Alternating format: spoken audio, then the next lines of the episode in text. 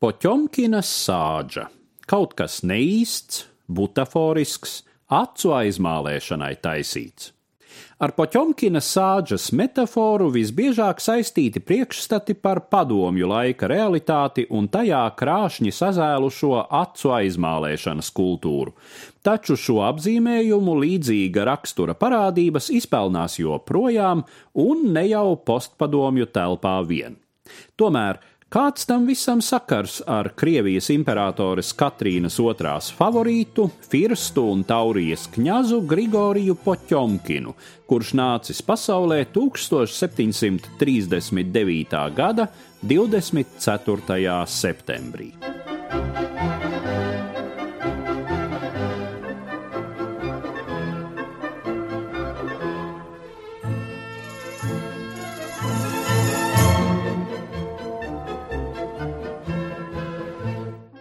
Par Krievijas carienes favorītu kļuvušais gvardes leitnants Grigorijs Poķomkins 17 gadus bija pats ietekmīgākais vīrs Krievijas impērijā. Izplatītais viedoklis par to, ka savu stāvokli carienes galmā un valstī Poķomkins izpelnījies tikai savu tīri vīrišķo kvalitāšu dēļ, visdrīzāk neatbilst patiesībai. Jā, gan imperatorei bija intīmas attiecības ar viņas favorītu. Tomēr Katrīnas uzticības persona kņas kļuva jau krietni agrāk, un, kas vēl zīmīgāk, palika viņas stūvs draugs arī pēc tam, kad mīlas sakars jau bija beidzies. Gluži sadzīviska loģika liek spriest, ka Katrīna diezin vai bija tā sieviete, kura ar varas kapitālu maksātu par spilgtu sajūtu minūtēm. Daudz ticamāk, viņa dāvāja savu mīlu cilvēkam, kuru augstu vērtēja prāta un rakstura kvalitāšu dēļ. Poķomkins bija izglītots, prasmīgs un ļoti enerģisks organizators. 1774. gadā viņš kļuva par ģenerālgubernatoru Jaunkrievijā, Dienvidu Ukrainas stepēs, kuras Krievija nesen bija atņēmusi Krimas Hāna valstī. Gadsimtus pirms tam šīs auglīgās un klimatiski labvēlīgās zemes bija dažādu lielvalstu robežu josla, mazapdzīvota un mežonīga. Poķomkins te izvērsa vērienīgu kolonizācijas programmu. 1783. gadā Krievija galīgi anektēja Krīmas Hana valsti.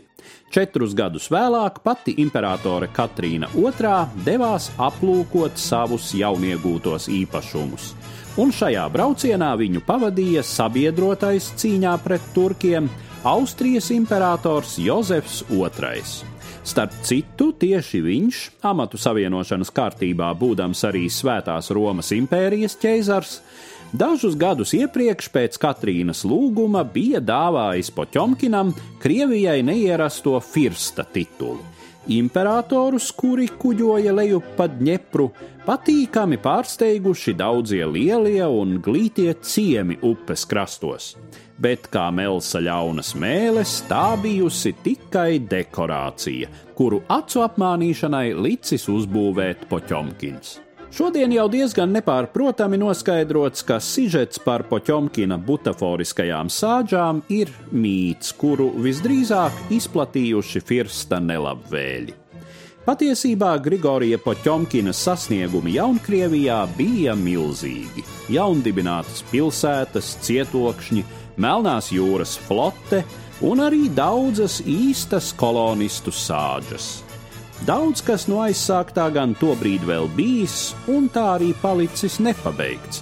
Poķomkina ieceru vērienam nav tikušas līdz pat viņa grandiozās iespējas. Taču celt butaforiskas sāģas šim vīram nu dien nav bijis vajadzības.